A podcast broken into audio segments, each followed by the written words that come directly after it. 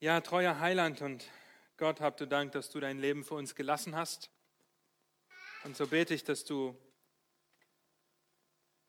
meine Zunge gebrauchst, dass du unsere Ohren und unsere Herzen bereit machst für dein Wort, dass du uns ermutigst, dass wir staunen über das, was du getan hast, Herr. Amen. Vielleicht kennt ihr das.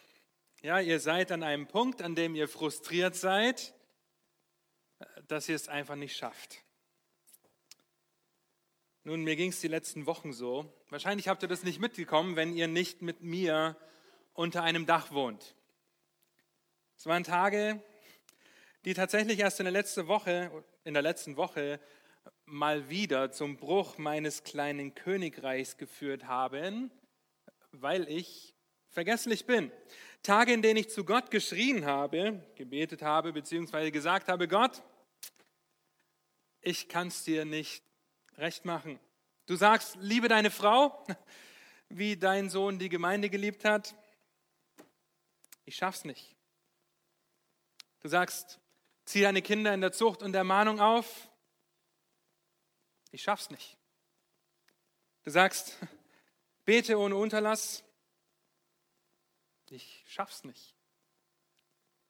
Du sagst, freundliche Worte sollen meinen Mund verlassen. Es geht nicht. So sehr ich mich anstrenge, stattdessen bin ich lieblos zu meiner Frau, reize meine Kinder zum Zorn, mache mir Sorgen, rede unbarmherzig, werde wütend, ziehe mich zurück. Nun wisst ihr, was Gottes Antwort darauf ist, laut Gottes Wort. Sam, du hast recht. Du kannst es gar nicht schaffen.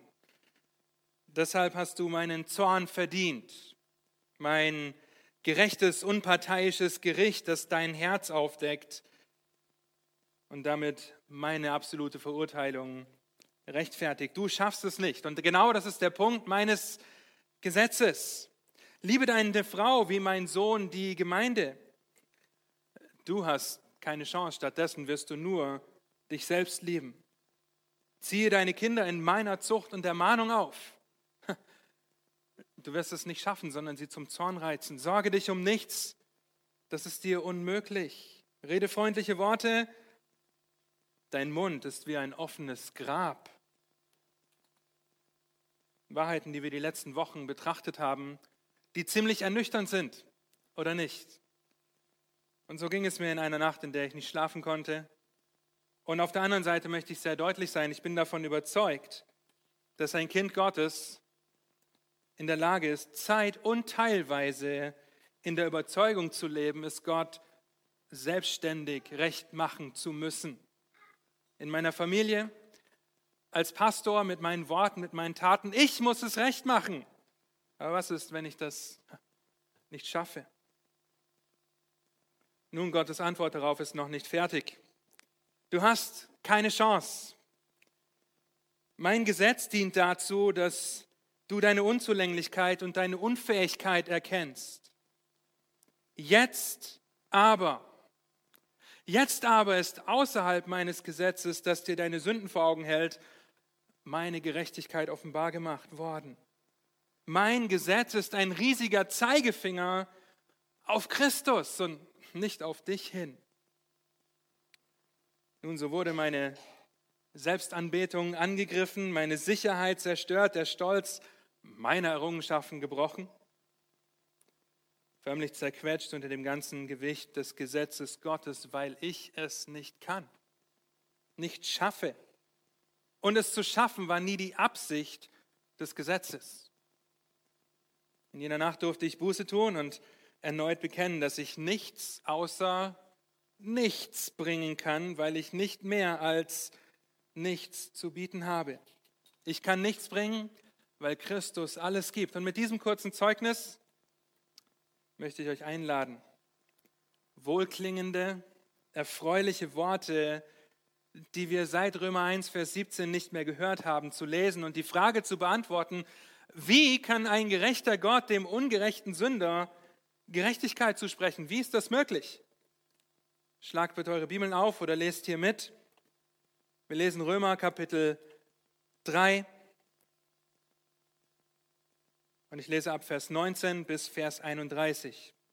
Römer 3 ab Vers 19. Gottes Wort sagt, wir wissen aber, dass das Gesetz alles, was es spricht, zu denen sagt, die unter dem Gesetz sind, damit jeder Mund verstopft werde und alle Welt vor Gott schuldig sei, weil aus Werken des Gesetzes kein Fleisch vor ihm gerechtfertigt werden kann. Denn durch das Gesetz kommt Erkenntnis der Sünde. Jetzt aber ist außerhalb des Gesetzes die Gerechtigkeit Gottes offenbar gemacht worden, die vor dem Gesetz und den Propheten bezeugt wird, nämlich die Gerechtigkeit Gottes durch den Glauben an Jesus Christus, die zu allen und auf alle kommt, die glauben. Denn es ist kein Unterschied. Denn alle haben gesündigt und verfehlen die Herrlichkeit, die sie vor Gott haben sollten, sodass sie ohne Verdienst gerechtfertigt werden durch seine Gnade aufgrund der Erlösung, die in Christus Jesus ist. Ihn hat Gott zum Sühnopfer bestimmt, das wirksam wird durch den Glauben an sein Blut, um die Gerechtigkeit zu erweisen, um seine Gerechtigkeit zu erweisen, weil er die Sünde ungestraft ließ, die zuvor geschehen war. Als Gott Zurückhaltung übte, um seine Gerechtigkeit in der jetzigen Zeit zu erweisen, damit er selbst gerecht sei und zugleich den rechtfertige, der aus dem Glauben an Jesus ist. Wo bleibt nun das Rühmen? Es ist ausgeschlossen durch welches Gesetz? Das der Werke? Nein, sondern durch das Gesetz des Glaubens. So kommen wir nun zu dem Schluss, dass der Mensch durch den Glauben gerechtfertigt wird ohne Werk des Gesetzes. Oder ist Gott nur ein Gott der Juden und nicht auch der Heiden? Ja, freilich, auch der Heiden. Denn es ist ja ein und derselbe Gott, der die Beschnittenen aus Glauben und die Unbeschnittenen durch den Glauben rechtfertigt. Heben wir nun das Gesetz auf durch den Glauben? Das sei ferne. Vielmehr bestätigen wir das Gesetz bis hierher. Und jetzt mit Vers 21 beginnt Paulus an das anzuknüpfen, was er in Römer 1, Vers 16 und 17 gesagt hat. Wir erinnern uns, denn ich schäme mich des Evangeliums von Christus nicht, denn es ist Gottes Kraft zur Errettung für jeden, der glaubt. Zuerst für den Juden, dann auch für den Griechen. Denn es wird darin geoffenbart, die Gerechtigkeit Gottes aus Glauben zum Glauben, wie geschrieben steht, der Gerechte wird aus Glauben leben. Und dann kommt dieser Einschub, den wir die letzten Wochen betrachtet haben, die Anklage, Anklage um Anklage, weil der Mensch die Wahrheit Gottes unterdrückt und deshalb gerecht gerichtet werden wird. Aber jetzt kommt er zum Evangelium Gottes und der Frage, wie ein gerechter Gott, wenn nicht durch das Gesetz, einen ungerechten Sünder gerecht sprechen kann. Und kurz vorab, wir werden heute nicht alles über die angerechnete oder zugesprochene Gerechtigkeit erfahren, aber nächste Woche, wenn wir uns zu Kapitel 4 zuwenden, werden wir sehen, was es bedeutet, dass uns Gerechtigkeit angerechnet wurde. Aber jetzt zu Vers 21. Paulus beginnt mit der Prämisse, mit der Annahme, mit der Voraussetzung, dass Gottes Gerechtigkeit seit jeher auf dieselbe Weise zugesprochen wird. Er zeigt auf, dass es unmöglich ist, die Gerechtigkeit Gottes zugesprochen zu bekommen, wenn man sich auf das Gesetz verlässt. Das haben wir in Kapitel 2 schon gesehen.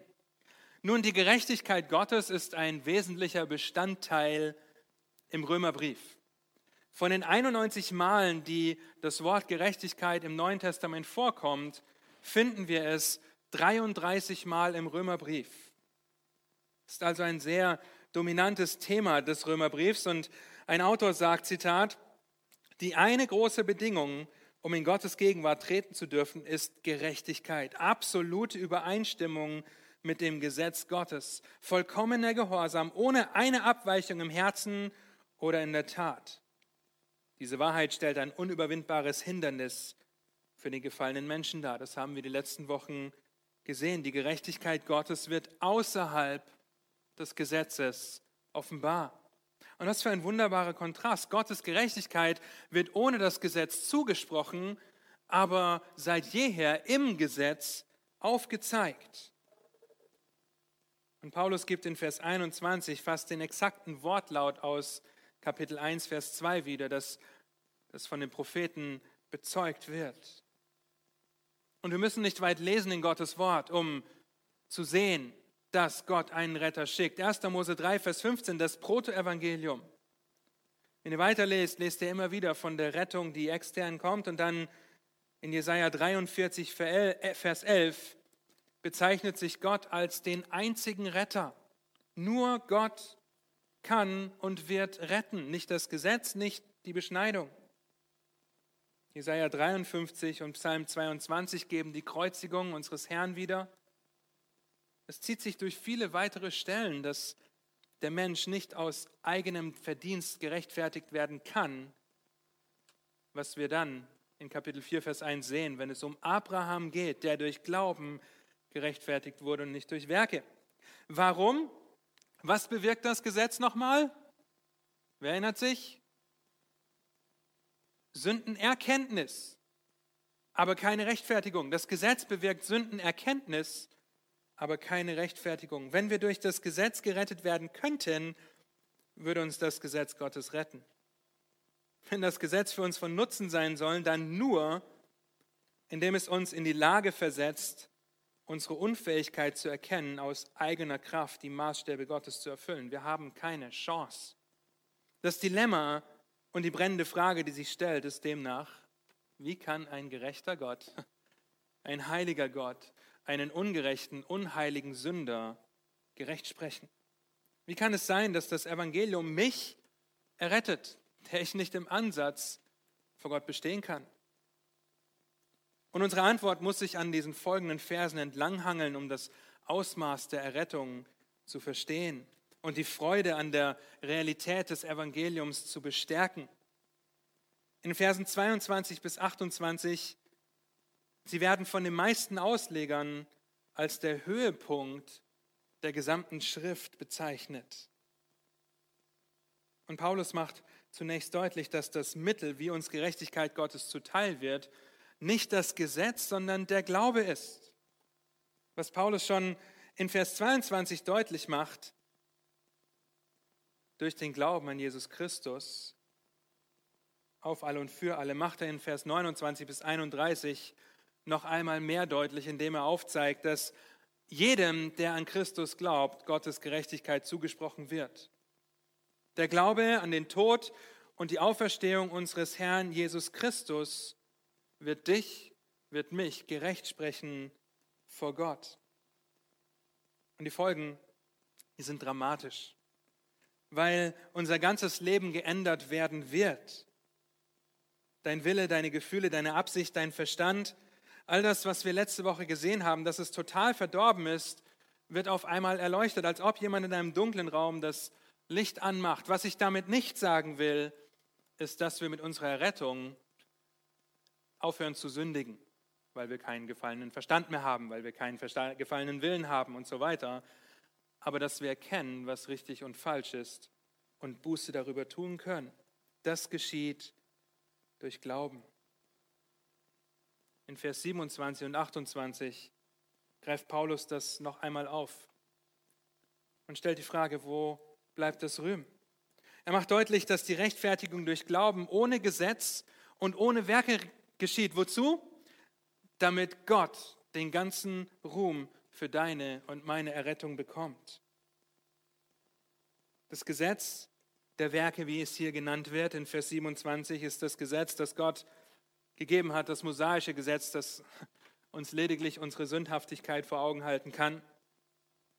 Das Gesetz des Glaubens ist das Gesetz, das Gott gegeben hat, damit der Mensch gerettet werden kann. Es geschieht durch Glauben, nicht durch Werke, damit niemand sich rühme.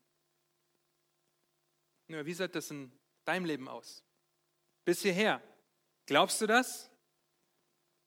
Glaubst du, dass du nur durch den Glauben an Jesus Christus, der für deine Sünde gestorben und auferstanden ist, gerettet wirst? Dass du nichts weiter hast als nichts, was du dazu beitragen kannst? Warum?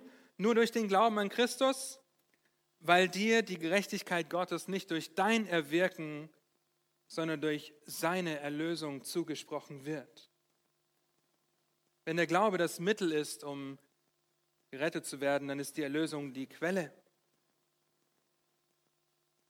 Vers 23 sehen wir noch einmal eine Zusammenfassung von Römer 1, Vers 18 bis 3, Vers 20. Alle haben gesündigt und verfehlen die Herrlichkeit, die sie vor Gott haben sollten. Und das ist eine Doppelung, die Paulus hier benutzt, um es deutlich zu machen, dass zum einen jeder das Ziel verfehlt, nämlich das Gesetz Gottes vollständig einzuhalten, gesündigt. Sünde ist Hamatio, Hamatano, Entschuldigung, das ist das Wort für sündigen. Das bedeutet Zielverfehlung. Das wurde gerufen, wenn ein Bogenschütze bei der Olympiade das Ziel verfehlt hat. Die Zielscheibe wurde gerufen, Sünde.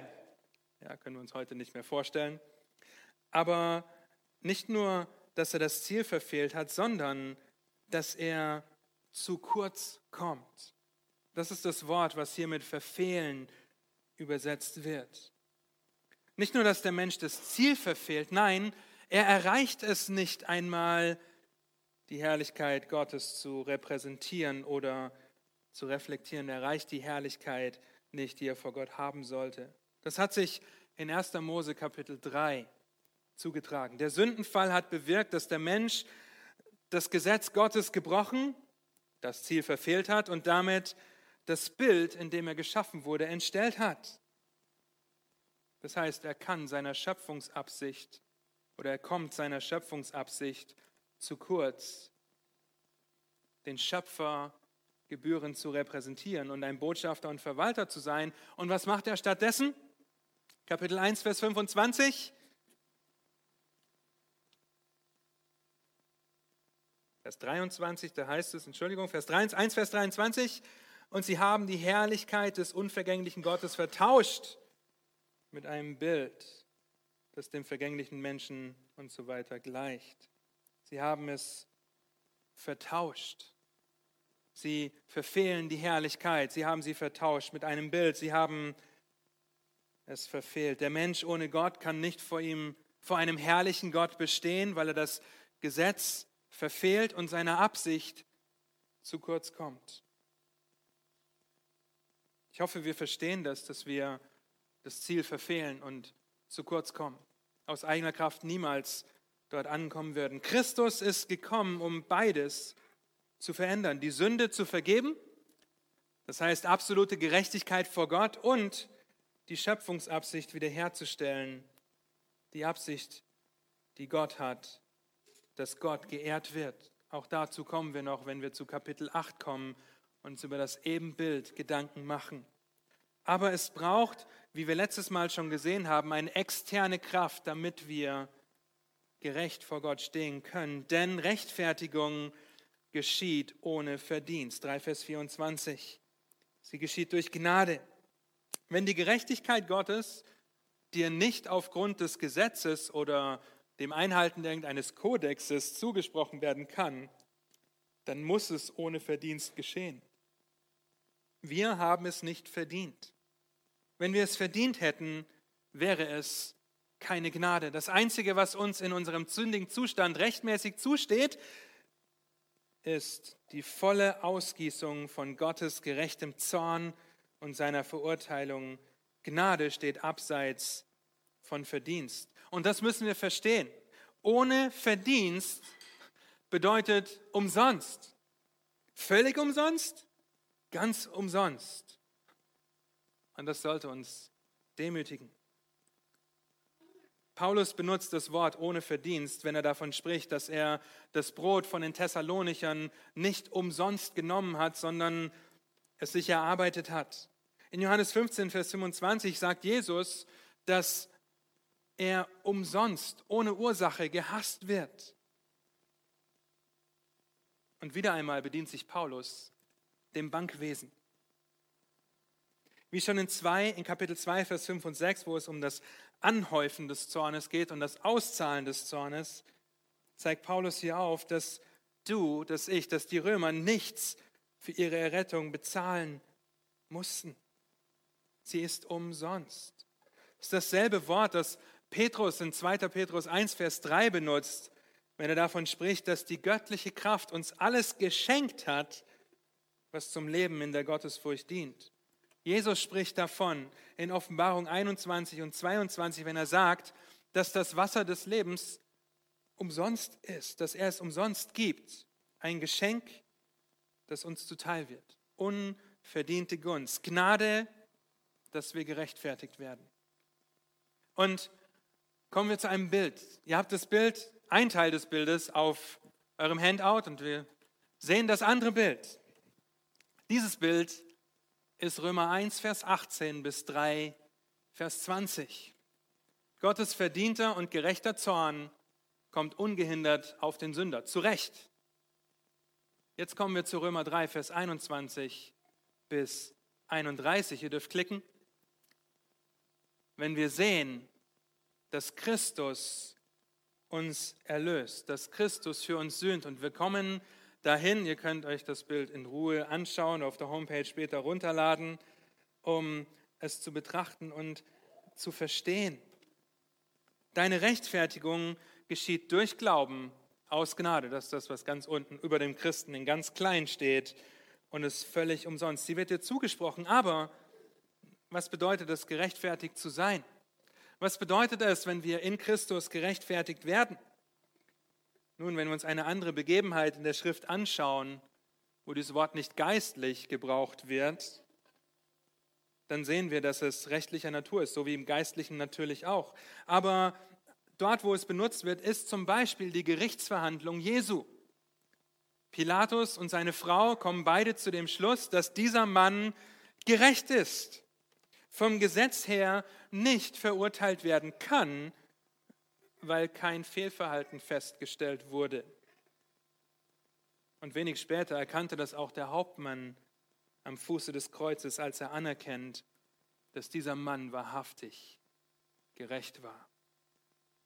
Gerecht zu sein bedeutet also vor dem Richter zu stehen und völlig, absolut ohne Fehl und Tadel zu sein, um einen Freispruch zu bekommen. Wie wird Rechtfertigung noch definiert? Zitat, die Rechtfertigung ist ein gesetzliches Urteil oder eine von Gott ausgestellte Erklärung, in der er die betreffende Person für unschuldig oder schuldlos in seinen Augen akzeptabel erklärt. Aber wie kann das umsonst geschehen? Aufgrund der Erlösung. Aufgrund der Erlösung. Und jetzt fangen wir erst an, so richtig mit den wirklich faszinierenden Wahrheiten des Evangeliums zu beschäftigen. Denn jetzt beginnt Paulus dieses Dilemma, dass ein gerechter Gott einen ungerechten Sünder nicht freisprechen kann, aufzulösen. Für dich, für mich ist die Rechtfertigung umsonst. Gott hat sie alles gekostet. Christus hat uns erlöst. Das ist ein absolut packendes Wort, das wir heute vielleicht maximal mit einer Kaution vergleichen könnten, die für einen Verbrecher bezahlt wird, damit er freikommt. Aber in der damaligen Zeit war der Sklavenhandel an der Tagesordnung. Und ihr dürft euch das nicht so vorstellen wie in Amerika, dass sie unterdrückt wurden, sondern es war ein Arbeitgeber-Arbeitnehmer-Verhältnis, natürlich mit Besitzanspruch, aber ganz anders, als wie wir das Wort heute belegen würden. Nun, Sklavenhandel war an der Tagesordnung. Das Wort, das benutzt wurde, wenn ein Sklave gekauft wurde, war erlösen. Und wenn das umsonst aus Gnade geschieht, dann wendet sich Gott, der Erlöser, seiner Schöpfung zu, um für den Menschen zu bezahlen, ihn freizukaufen von der Sklaverei der Sünde, freizukaufen aus den Ketten des ewigen Todes, aus den Ketten des Gefängnisses. Und ihr Lieben, wenn wir darüber nachdenken, dann sollte das uns voll Begeisterung übersprudeln lassen, okay? Christus kommt und erlöst uns. Er kauft uns. Er nimmt uns in Besitz. Er sprengt die Ketten. Das Wort erlösen bedeutet wortwörtlich aus etwas herausreißen oder aus etwas mit aller Gewalt herausbrechen. Ist von größter theologischer und damit praktischer Bedeutung für dein, für mein Leben. Und Römer 6 wird das noch weiter ausbauen und aufgreifen. Wenn wir der Sünde gestorben sind, sollen wir Christus leben als Werkzeug der Gerechtigkeit und nicht der Sünde. Es ist das Wort, das, erst, das Petrus in 1. Petrus 1, 18 und 19 benutzt, wenn er sagt, denn ihr wisst ja, dass ihr nicht mit vergänglichen Dingen, mit Silber oder Gold losgekauft worden seid aus eurem nichtigen von den Vätern überlieferten wandeln, sondern mit dem kostbaren Blut des Christus als, einen Makel, als eines makellosen und unbefleckten Lammes losgekauft. Galater 3, Vers 13. Christus hat uns losgekauft von dem Fluch des Gesetzes. Wie? Indem er ein Fluch wurde um unsretwillen, denn es steht geschrieben, verflucht ist jeder, der am Holz hängt. Oder Epheser 1, Vers 7, wenn er schreibt, in ihm haben wir die Erlösung durch sein Blut, die Vergebung der Übertretungen nach dem Reichtum seiner Gnade. Versteht ihr das? Versteht ihr das, dass wir jetzt von der Sklaverei der Sünde losgekauft sind? Und später einmal wird auch noch unser Körper von der Gegenwart der Sünde erlöst. Diese Erlösung mit James Boyce abzuschließen, er sagt, es ist nicht nur, dass sein Tod uns in gewisser Weise von der Macht der Sünde erlöst hat. Christus hat uns von der Macht der Sünde erlöst, aber er hat uns auch vom Tod erlöst, der die Strafe ist, die Gott für Übertretungen vorgesehen hat. Deshalb bedeutet für uns erlöst zu werden Leben. Christus hat für dich bezahlt. Aber das beantwortet die Frage nach dem Dilemma noch nicht ganz. Denn wenn Gott gerecht ist, dann muss er verurteilen, muss er sein gerechtes Gericht aussprechen, sonst würde er sich selbst betrügen. Und so wird dir Gottes Gerechtigkeit nicht durch Selbstbetrug, sondern durch Sühnung zugesprochen. Ihr Lieben, die Sprüche sind sehr deutlich. Sie sagen zum Beispiel, dass ein verkehrtes Herz, verkehrte Lippen, die Opfer und der Weg des Gottlosen und böse Gedanken ein Gräuel vor Jahwe sind, vor dem Herrn sind. Etwas Schlimmeres gibt es nicht. Und wie wir die letzten Wochen gesehen haben, trifft das auf uns alle zu. Und in Sprüche 17, Vers 15 heißt es dann, wer den Gottlosen gerecht spricht und wer den Gerechten verurteilt, sie sind beide dem Herrn ein Gräuel. Das heißt, laut Gottes eigenen Aussagen wäre er sich selbst ein Gräuel, das heißt, er würde sich selbst betrügen, wenn er den Sünder einfach so gerecht spricht. Ein Kommentator sagt dazu, Zitat, das echte Problem der Errettung besteht nicht darin, sündige Menschen zu einem heiligen Gott zu bringen, sondern darin, einen heiligen Gott dazu zu bringen, sündige Menschen anzunehmen, ohne seine Gerechtigkeit zu verletzen. Das unergründlichste aller geistlichen Geheimnisse ist das Geheimnis des heiligen und gerechten Gottes, der den sündigen Menschen Erlösung verschafft und in dieser, sündigen Hand, in dieser gnädigen Handlung keinen Wesenszug seiner Natur verletzt, sondern sich selbst die höchste Ehre gibt. Ihr Lieben, Gott hasst die Sünder. Gott hasst die Sünde. Er hasst die Sünder, die keine Buße tun. Gott kann sich nicht selbst betrügen und deshalb braucht es das Sühnopfer Jesu. Das ist die Grundlage für unsere Erlösung durch den Glauben. Vers 25 und 26, die Schlüsselverse in unserem Text. Aber was hat es damit auf sich, dass Christus für uns zum Sühnopfer geworden ist? Dazu müssen wir kurz ins Alte Testament. 2. Mose 25 spricht es von der Bundeslade. Der Deckel der Bundeslade war aus Gold. Zwei Cherubim bestürmten ihn und er wird der Sühnedeckel genannt. Die Bundeslade, ihr erinnert euch, steht im Allerheiligsten, ob in der Stiftshütte oder später im Tempel. Und einmal im Jahr sprenkelt der Hohepriester Blut auf den Sühnedeckel, damit Gottes Zorn besänftigt und die Sünden vergeben werden. 3. Mose 16, Vers 15 und 16 heißt es, Danach soll er den Bock des Sündopfers, das für das Volk bestimmt ist, schächten und sein Blut herein, hineinbringen hinter den Vorhang, also in das Allerheiligste. Und er soll mit dessen Blut tun, wie er mit dem Blut des Jungstieres getan hat. Und er soll es auf den Sühnedeckel und vor den Sühnedeckel springen. So soll er Sühnung erwirken für das Heiligtum wegen der Unreinheit der Kinder Israels und wegen ihrer Übertretungen und aller ihrer Sünden. Und er soll dasselbe tun mit der Stiftshütte, die sich mitten unter ihren Unreinheiten befindet. Zu alttestamentlichen Zeiten hat sich das Volk Israel durch blutige Opfer, Tieropfer daran erinnert, dass sie dem Gesetz Gottes nicht gerecht werden können. Aber dann lesen wir in Hebräer 9, dass das Blut Jesu umso kostbarer ist und dass das, was wir in im Alten Testament sehen, ein Schatten ist auf das hin, was Christus ist.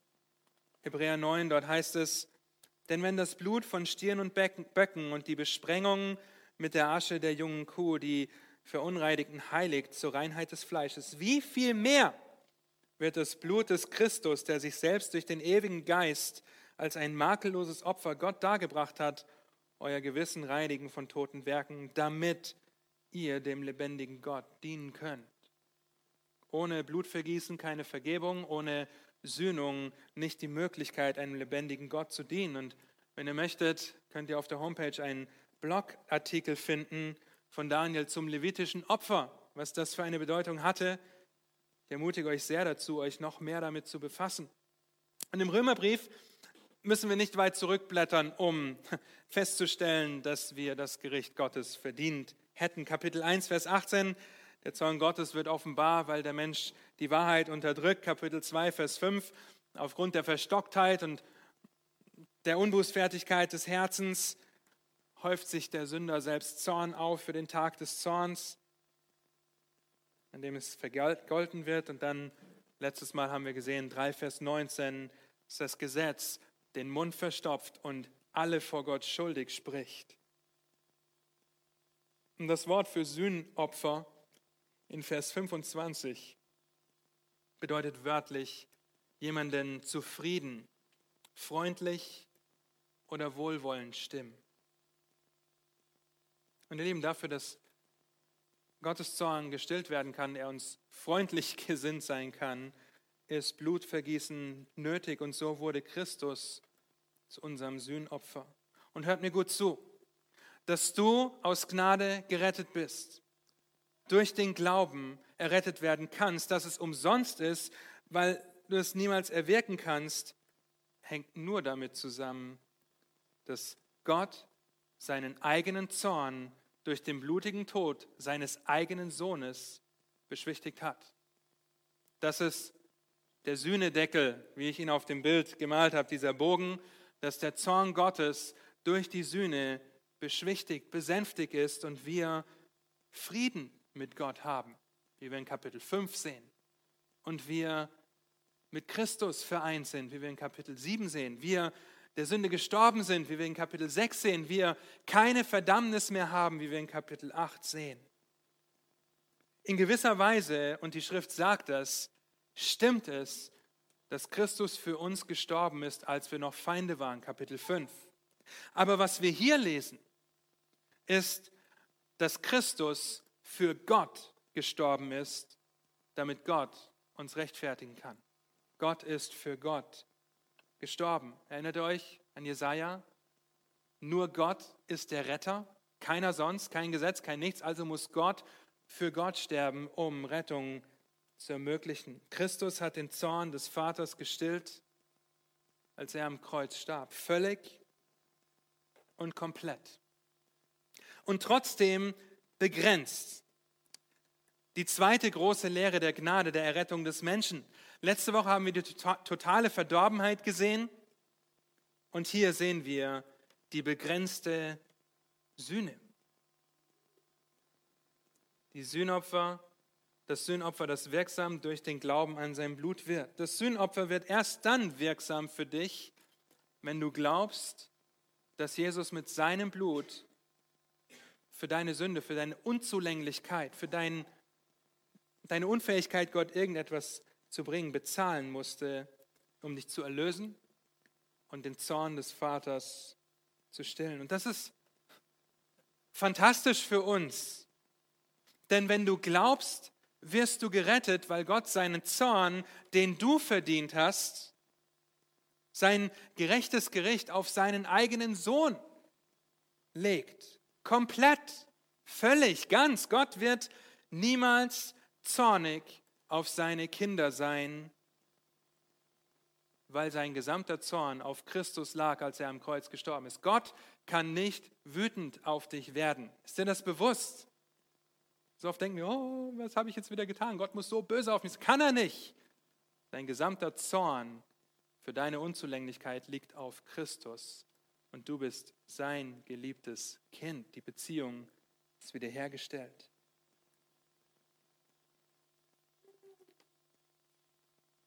Nun, er erweist seine Gerechtigkeit, weil er die Sünden ungestraft ließ, die zuvor geschehen waren. Und ich schätze es sehr, wie MacArthur das ausdrückt, und das ist ein etwas längeres Zitat. Und falls ihr euch fragt, warum so viele Zitate, ich möchte sehen oder ich möchte euch zeigen, wo ihr hingehen könnt, wenn ihr mehr studieren wollt. Ja? MacArthur drückt es folgendermaßen aus: dieses, er hat seine Gerechtigkeit erwiesen, weil er die Sünden ungestraft ließ, wie es im zweiten Teil von Vers 25 heißt. Er sagt, diese größte aller Taten der Gnade Gottes zeigt sich auch in seiner göttlichen Langmut, als er die zuvor begangenen Sünden überging. Gott ist sich jeder noch so kleinen Sünde bewusst und duldet sie nicht. Seine Nachsicht ist daher kein Zeichen der Ungerechtigkeit, sondern ein Zeichen seiner geduldigen und liebevollen Gnade.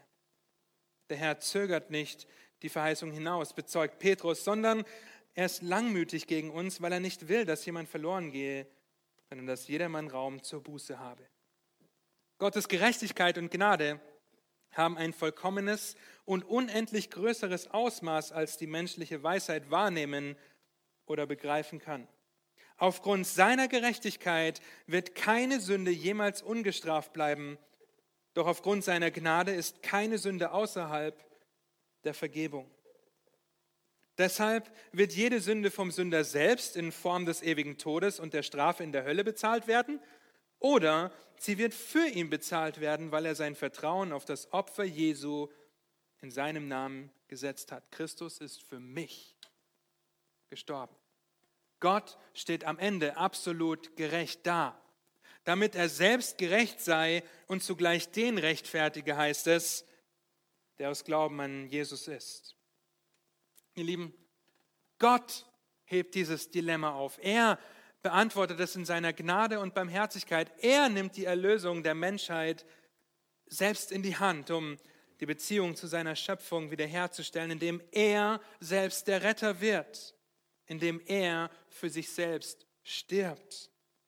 In dem Moment deiner Errettung wirst du mit der gesamten Gerechtigkeit Gottes überkleidet. Gerechtigkeit Gottes, ein Ausdruck, der uns in Kapitel 1, Vers 16 schon vorgekommen ist. Wir werden überkleidet in Christus.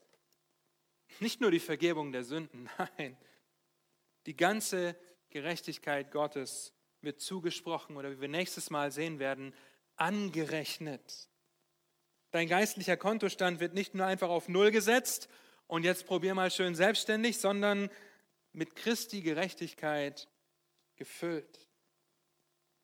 Wir sehen seinen Zorn und seine Liebe im gleichen Maß am Kreuz ausgegossen. Sein Zorn auf seinem Sohn demonstriert seine Liebe zu uns. Gott hat sich selbst gerechtfertigt. Er hat bewiesen, dass er selbst gerecht ist, wenn er zugleich denjenigen rechtfertigt, der an Jesus glaubt. Das Kreuz beseitigt jede Unklarheit bezüglich seiner Gerechtigkeit oder Intoleranz gegenüber der Sünde. Das Kreuz beweist, dass jeder Zweifel an seiner Liebe unbegründet ist und nicht länger im Herzen seines Volkes aufrechterhalten werden soll. Er straft seinen Sohn, weil der gerechte Gott Sünde strafen muss. Deshalb kann Paulus sagen, ich lebe für Christus, der sein Leben für mich hingegeben hat. Wie motiviert dich deine Erlösung und das Sühnopfer Christi für dich zu einem Leben für ihn? Hast du erkannt, dass du nichts bringen kannst, außer den Glauben, dass Christus alles getan hat, als er am Kreuz gerufen hat, mein Gott, mein Gott, warum hast du mich verlassen? Als er schrie, es ist vollbracht. Glaube dem Evangelium, das die Kraft hat, dich zu erretten. Weil der Gott dieses Universums in seiner Liebe einen Ausweg von seinem eigenen Zorn geschaffen hat, wie es in 1. Johannes 4, Vers 9 bis 11 ausgedrückt wird. Darin ist die Liebe Gottes zu uns geoffenbart worden, dass Gott seinen eingeborenen Sohn in die Welt gesandt hat, damit wir durch ihn leben sollen. Darin besteht die Liebe. Nicht, dass wir Gott geliebt haben, sondern dass er uns geliebt hat und seinen Sohn gesandt hat als Sühnopfer für unsere Sünden. Geliebte, wenn Gott uns so geliebt hat, so sind wir es auch schuldig einander zu lieben. Das Sühnopfer Christi sollte dich, sollte mich anspornen. Ich möchte euch einen kurzen Videoausschnitt zeigen. Ein Video, das zu dem Lied Jesus ist mein Herr gemacht wird. Und dieses Video bringt wunderbar zum Ausdruck, worüber wir gerade gesprochen haben. Es geht nur eins, eine Minute, ein bisschen länger, aber lasst uns dieses Video kurz gemeinsam anschauen, bitte. Muss nochmal klicken wahrscheinlich. I once was lost in darkest night, yet thought I knew the way. The sin that promised joy and life had led me to the grave. I had no hope that you would own a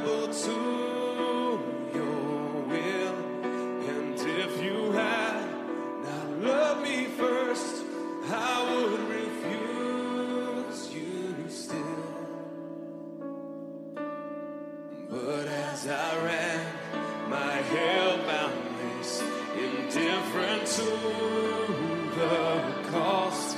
You looked upon my helpless state and led me to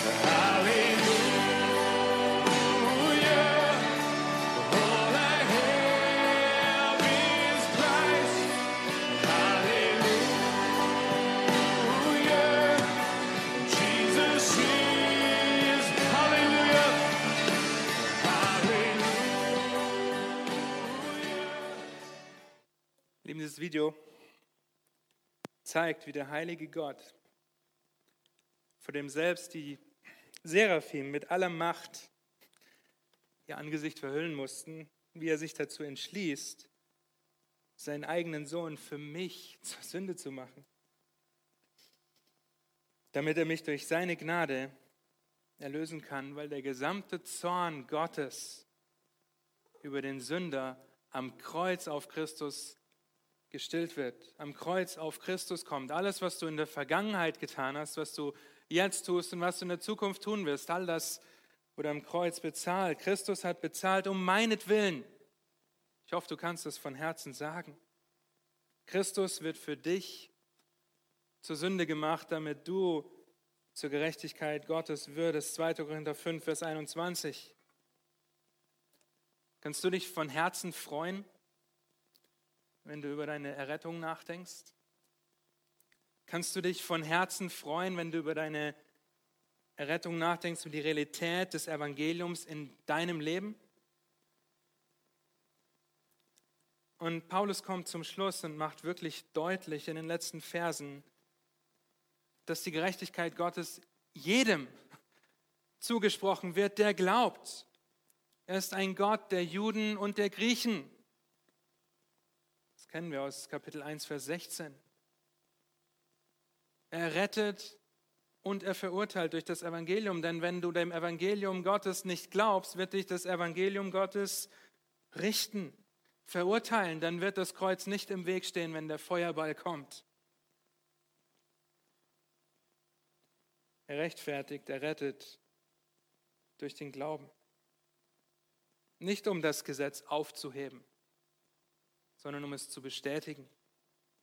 Die Gerechtigkeit Gottes ist außerhalb des Gesetzes offenbar gemacht worden. Diese Nacht der letzten Woche, die hat mich zutiefst dankbar dafür gemacht, weil sie mich überführt hat, dass es Gott ist, der alles schafft, nicht ich, der alles kann. Und der seinen Plan der Erlösung durch Gnade mit mir vorantreibt. Und in Zeiten, in denen ich versucht bin zu meinen, es Gott recht machen zu müssen, will ich mich erinnern, Gott hat es recht gemacht für mich. Er hat mich gerecht gemacht, als er seinen Sohn den Preis für meine Unzulänglichkeit, für meine Unfähigkeit hat bezahlen lassen. Und ich bin nicht viel fähiger als vorher, sei denn ich verlasse mich auf ihn und die Kraft des Heiligen Geistes in mir, in mir, der mir alles gegeben hat, um Gott wohlgefällig zu leben. Der Zorn, der mir doch galt, liegt auf Christus. Er vergibt mir meine Sünde. Er ist mein Fürsprecher, er ist mein Erlöser, er ist mein Sühnopfer. Und lieben, das ist gewaltig. Ich hoffe, ihr könnt das für euch in Anspruch nehmen und genauso darüber staunen. Weil er das getan und mich erlöst hat, kann ich dankbar das verwalten, was er mir anvertraut hat. Ich lehne mich nicht zurück und sage, ich kann gar nichts machen.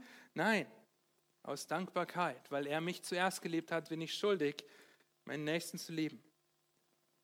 Dankbar das treu verwalten, was er mir anvertraut hat. Meine Frau, meine Kinder, diese Gemeinde, meine Worte, mein Geld, mein alles, weil ich ihm die Ehre geben möchte, der für mich den Zorn Gottes auf sich genommen hat.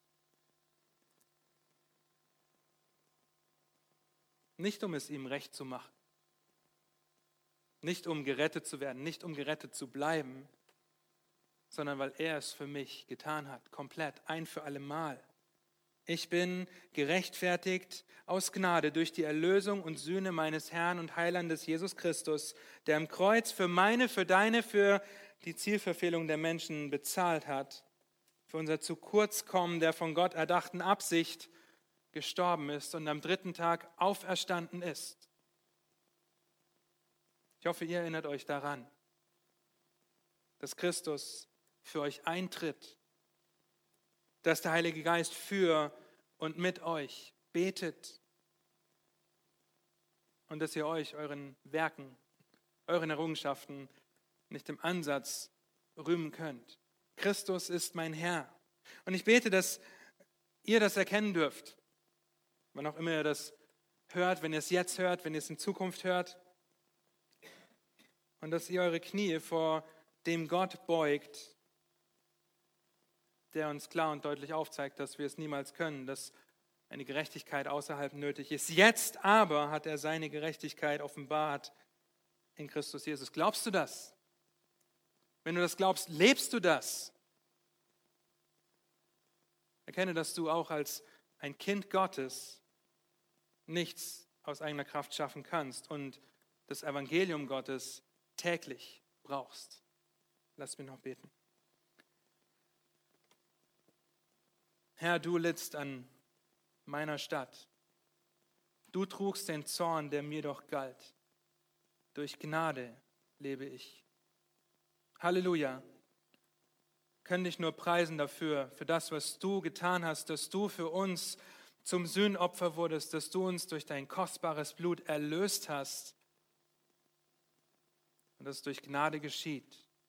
Denn wenn nicht durch Gnade, wir hätten nicht eine Millisekunde lang die Chance, vor dir bestehen zu können, es dir recht zu machen. Und so bete ich, dass du Gnade schenkst, wenn wir über diese Wahrheiten nachdenken, dass sie uns anspornen zu Liebe und zu guten Werken, dass sie uns anspornen, diese Gnade, diese Sühne anderen zu erzählen, das zu leben was dein Wort sagt, durch deine Gnade in uns, durch deinen Geist in uns, dass wir dich ehren und dich groß machen, weil du alles für uns getan hast, Herr. Amen.